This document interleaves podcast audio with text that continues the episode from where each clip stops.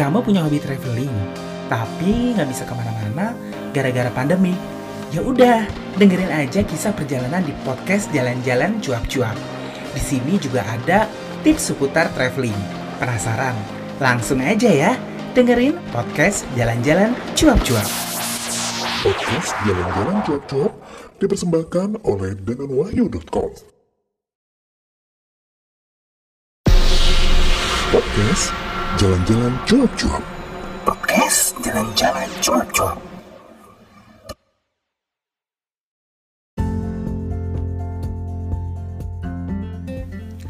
Assalamualaikum warahmatullahi wabarakatuh Ketemu lagi dengan saya Danan di podcast Jalan-Jalan Cuap-Cuap Nah, kali ini tuh aku bakal buka-bukaan rahasia Wah, jadi kan sebenarnya gini Banyak yang tanya sih gitu Eh, Danan kok sering banget sih jalan-jalan?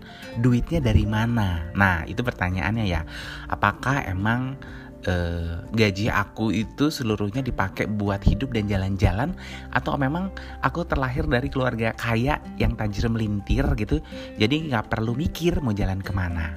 Well guys kalau aku pribadi ini aku ya jadi sejak punya hobi traveling dari tahun 2010 itu selalu punya prinsip gimana traveling tidak menggunakan duit gaji gitu. Karena kan memang sebenarnya gaji itu udah ada pos-posnya gitu. Jadi ada untuk hidup, ada untuk tabungan masa depan gitu ya, ada juga untuk tabungan uh, mungkin keinginan lah jangka pendek dan jangka panjang gitu ya kalau jangka pendek mungkin aku pengen membeli sesuatu gitu dalam lima tahun ke depan gitu dan mungkin kalau jangka panjang mungkin membeli sesuatu yang nilainya lebih besar gitu misalnya kayak rumah tanah gitu ya ya yang bisa menjadi satu investasi lah gitu. Jadi bisa menjadi satu apa ya tabungan untuk di masa depan gitu. Nah, jadi kenapa pada akhirnya aku itu uh, memilih hobi menjadi travel blogger. Sebenarnya sih nggak travel blogger aja, sebenarnya lebih kalau mau dibilang sebagai konten kreator ya gitu. Tapi memang awalnya itu dari ngeblog. Nah dari ngeblog inilah akhirnya aku menghasilkan uang yang ternyata bisa untuk membackup hobiku gitu traveling alias jalan-jalan gitu jadi kalau ditanya emang seberapa besar kak duitnya sebenarnya kalau dari nulisnya aja aku kan bukan juga uh, blogger yang ngarepin adsense tapi aku adalah blogger yang nggak mengharapkan dari job review. Tapi ternyata dari situ berkembang nih. Aku nulis juga di majalah, kemudian foto-fotoku juga ternyata bisa dijual. Beberapa video juga ternyata bisa dijual melalui apa namanya? Uh, citizen journalism yang ada di TV gitu dan kemudian dari lomba-lomba gitu dan ternyata dari aktivitas lain dari dari pembicara juga. Nah, jadi lumayan lah biar bisa dikumpul-kumpulin buat biaya traveling gitu. Dan makin ke sini juga kan untuk kayak hotel atau mungkin untuk beberapa tiket tuh juga ada sistem namanya endorsement. Nah terus ada yang nanya nih, terus kalau aku nih yang nggak bisa nulis, yang nggak punya hobi nulis atau bikin konten tuh gimana gitu. Beberapa teman aku itu ada yang memiliki usaha sampingan yang selini dengan traveling. Jadi sebenarnya sih kalau ini tuh aku bilang sesuaiin aja dengan passionnya kamu. Kalau temanku kan emang hobinya ada, hobinya belanja. Jadi dia akhirnya kayak hobi hunting barang-barang gitu. Nah, jadi dia buka just tip gitu. Nah, terus ada lagi nih yang aku juga baru tahu sebenarnya. Temanku ternyata yang punya hobi investasi.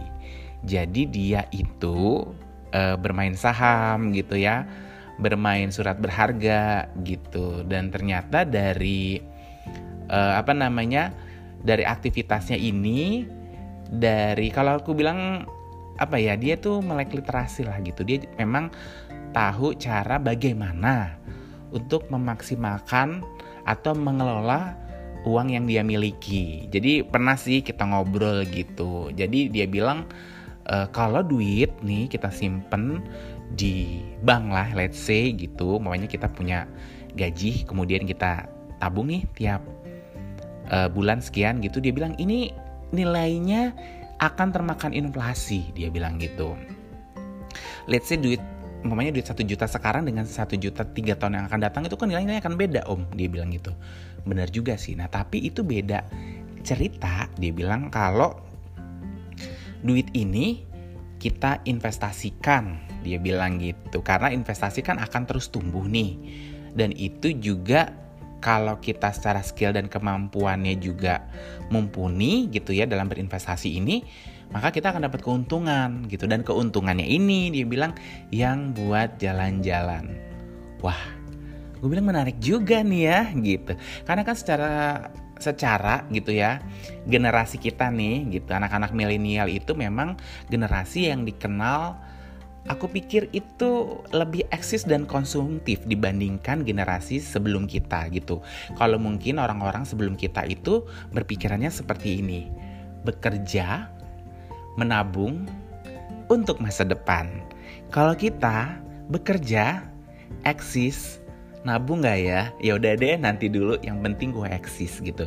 Yang penting gue bisa nongkrong di Starbucks tiap hari. Kemudian gue bisa jalan-jalan. Kemudian gue juga bisa posting foto jalan-jalan gue biar gue dibilangnya kece, keren, eksis gitu ya di media sosial gitu. Salah nggak sih kayak gini? Uh, aku pikir nggak salah gitu ya. Jadi nggak dosa kok setelah kita kerja keras sebagai kuda, tiba-tiba kita pengen dong memanjakan diri dengan memberikan barang-barang yang kita sukai gitu ya. Kayak aku mamanya ah aku pengen beli baju ini gitu. Terus nabung gitu. Terus belilah barang branded atau mungkin ada impian. Pokoknya gue nanti tahun ini mesti liburan ke sini ke sini dan ke sini gitu. Tapi inget guys uh, ada masa depan gitu yang akan kita hadapi. Dan itu kalau kita ya kalau kita nggak hoki gitu ya apesnya gitu let's say nggak usah jauh-jauh deh di kondisi kayak pandemik sekarang ini. Banyak teman-teman gue yang tadinya uh, hidupnya cenderung memang konsumtif gitu ya. Konsumtif itu ya terkadang membeli barang-barang yang memang tidak dibutuhkan hanya untuk memenuhi keinginan saja gitu dan tidak memikirkan kemungkinan terburuk yang mengalami kondisi-kondisi yang buruk gitu di saat pandemik. Nggak punya tabungan gitu. Kemudian juga nggak punya apa namanya cadangan keuangan gitu. Kalau gue sih pribadi nyokap tuh udah jauh-jauh hari bilang ke gue gitu. Hati-hati pegang duit dia bilang gitu. Uh, ya nggak apa-apa sih menggunakan uang, punya hobi jalan-jalan, tapi tetap ingat buat nabung. Dan satu yang pasti nih yang sangat bermanfaat di kondisi pandemik, nyokap tuh bilang ke gue tuh dari dulu gini, kamu paling tidak punya cadangan keuangan untuk hidup sekitar enam bulan. Gue bilang, untuk apa bu? Gue bilang gitu. Ya, secara gue punya pekerjaan tetap gitu ya dan cukuplah untuk menghidupi. Kemudian gue juga punya hobi yang bisa menghasilkan uang. Terus nyokap bilang, tapi lu nggak akan pernah tahu dong, gitu kayak kejadian uh, krisis apa keuangan beberapa tahun yang lalu. Orang-orang yang secara ekonomi dan secara finansialnya sudah dianggap tinggi terhadap uh, dianggap memiliki banyak simpanan ternyata juga mengalami kolaps ketika terjadi kontraksi ekonomi. Uh, bahasanya kontraksi ekonomi kayak apa namanya? Kayak pakar-pakar ekonomi aja ya gue bilang gitu. Gitu sih. Nah, jadi kalau momennya gini, tapi aku tuh nggak ngerti kak masalah uh, apa namanya masalah saham, masalah finansial gitu ya, masalah bagaimana cara mengatur keuangan gitu. Nah, untuk kamu sebenarnya banyak banget sih, apalagi di zaman-zaman pandemi kayak gini itu banyak bikin yang webinar ya, yaitu cara kayak membuat perencanaan keuangan gitu ya mengikuti kelas-kelas atau grup-grup diskusi tentang finansial. Dan jangan pernah takut untuk mempraktekannya jadi jangan pernah takut bilang gini, ah aku nggak mau deh beli saham gitu. Itu kan kayak gambling. Nanti kalau aku beli rugi gimana? Oke okay guys, gini. Kalau aku sih lebih ke gini ya. Kalau kita mau bermain saham itu jangan berpikir bahwa oke okay, gue akan menanggung untung yang sebesar-besarnya atau profit yang sebesar-besarnya. Tapi ini adalah satu ilmu baru gitu ya. Kalau ilmu baru kan kita mencoba nih dan mencoba itu karena sebenarnya kan kalau kita mau bermain saham keputusan yang dia ambil untuk menjual atau membeli itu adalah parameternya banyak gitu ya. Dan mungkin untuk kita kayak aku sendiri yang tidak memiliki latar belakang ekonomi, bidang ekonomi ya ilmu ekonomi karena aku lebih ke teknikal, itu mungkin nggak tahu lah nggak paham. Tapi ketika kita sudah masuk nih, kita sudah masuk ke environmentnya, ke lingkungannya, ke komunitasnya,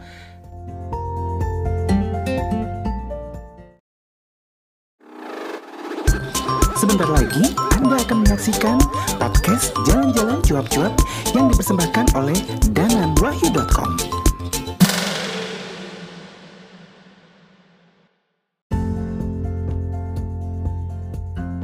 kita tuh lambat laun akan mikir ya nggak usah yang gede-gede mamanya beli aja nggak usah yang besar-besar 100 ribu gitu ya nah udah kayak gitu nah udah kayak gini oh iya ya ternyata seperti ini. Kita lihat dulu nih polanya nih gitu. Kita lihat polanya. Ketika kita udah tahu gimana ilmunya. Oke okay guys. Atau mungkin kan sebenarnya kayak uh, surat berharga ini bentuknya macam-macam ya. Nggak cuman namanya si saham aja. Ada juga kayak obligasi. Ada juga yang namanya reksadana gitu. Nah semua ini kan profit yang didapatkan itu berdasarkan resikonya masing-masing gitu. Tapi tetaplah ya kita belajar untuk mengerti. Karena duit itu guys kalau kalian simpen di namanya apa namanya di bank ditabung itu nilainya pasti akan termakan yang namanya inflasi. Gitu dan bentuk-bentuk investasi juga sebenarnya banyak ya bisa investasi dalam bentuk emas atau mungkin dalam bentuk properti atau tanah tapi kan kalau bentuk properti atau tanah itu mesti gede duitnya kalau aku pribadi sih gini ya, aku sih akan biasanya ya, wih jadi buka-buka kartu nih. Tapi nggak apa-apa, oke. Okay. I think ini berbagi uh, pengalaman aja. Aku sih memang prefernya lebih kayak ke properti, ke tanah dan sebagainya. Tapi biasanya aku untuk memulai untuk mendisiplinkan diri itu investasi yang kecil-kecil dulu nih. Nanti kalau sudah banyak dan sudah besar barulah dijadikan investasi yang lebih besar lagi gitu. Nah, ini juga kejadian sama temanku ya jadi sebenarnya aku juga belajar dari teman jadi dia udah memulai uh, apa namanya kayak si investasi-investasi ini sejak 10 tahun yang lalu gitu. Jadi dari mulai-mulai kerja itu dia memang udah melek gitu. Dia dia bilang gini, ini dari gue investasi-investasi ini sih sebenarnya juga duitnya nggak gede-gede banget dia bilang gitu. Paling enggak tuh kayaknya gue baru menghasilkan sekitar uh, setahun sam ya setahun itu sekitar 10 juta ya keuntungan yang dia tangguh gitu tapi gue mikirnya ini adalah bukan keuntungan tetapi ini adalah sebenarnya value atau nilai yang termakan oleh si inflasi. Jadi hartanya gue dia bilang gitu duit yang gue uh, duit yang gue tabung selama bertahun-tahun ini itu aman dia bilang gitu. Wah seru juga ya gue bilang gitu. Nah jadi kalau kita lihat sebenarnya investasi ini impactnya apa sih? Kalau kita kan ngelihatnya tadi dari sisi si kita ya si pribadi atau individu itu memang ada manfaatnya. Cuman untuk skala yang lebih besar gitu ya, itu ternyata uh, ada juga impactnya bagi negara gitu. Karena ketika kita berinvestasi itu kan berarti ada uang ya yang masuk ke dalam satu sistem ya kayak satu bank gitu kan kayak sekarang itu ada ada namanya SBN surat berharga negara gitu yang uh, nilainya besar dan itu kan uang-uang yang terkumpul itu juga membantu untuk uh, negara untuk memutar perekonomian. Roda perekonomian itu lebih bergairah guys gitu. Kalau uh, uang yang kamu tanam gitu atau investasi kamu tanam itu lebih banyak gitu. Jadi roda perekonomian juga impactnya ada lah berputar lah gitu. Jadi nggak cuman orang-orang luar negeri aja yang menanamkan investasi di negeri ini. Tapi kita sebagai anak bangsa dan sebagai anak muda juga turut andil dalam investasi walaupun nilainya tidak besar gitu. Tapi kalau yang ikutan berinvestasi ini makin banyak kan Artinya secara kuantiti, secara jumlah banyak ya besar juga gitu. Jadi gimana? Mau investasi apa? Nah, ini saatnya untuk kamu melek yang namanya literasi uh, ekonomi gitu. Jadi tahu dong cara bagaimana uh, memanfaatkan apanya uang yang kamu punya gitu dan resiko-resikonya gitu karena memang harus tahu dong resikonya gitu. Nah, jadi kan kalau sekarang ini itu kalau dilihat-lihat tuh belum banyak gitu. Mungkin katanya baru sekitar 8% lah ya untuk generasi milenial yang melek tentang literasi ekonomi gitu. Dan ini PR banget sih buat kita gitu ya. Untuk kamu juga untuk memberikan informasi ke orang-orang yang ada di sekitar kamu gitu. Paling enggak kalau aku sih jadi gini ya, ketika kita mengerti investasi, maka ketika kita membeli barang tuh akan jauh lebih selektif. Let's say gini, kayak aku, umpama mau beli nih ada barang. Sebenarnya nggak pengen eh sebenarnya nggak butuh-butuh amat cuman karena pengen gitu ya. Kalau dulu kayak ngeluarin duit 500 ribu sejuta tuh kayaknya enteng banget gitu. Sekarang tuh mikir ini duit nih kalau diinvestasiin tuh lumayan ya gitu gitu sih. Jadi kayak pengetahuan atau literasi ekonomi itu kayak membuka wawasan kita juga bagaimana kita lebih bisa memaksimalkan uang atau uang lah bukan harta ya. Kayaknya kalau harta tuh kayaknya gimana gitu. Tapi uang yang kita punya gitu.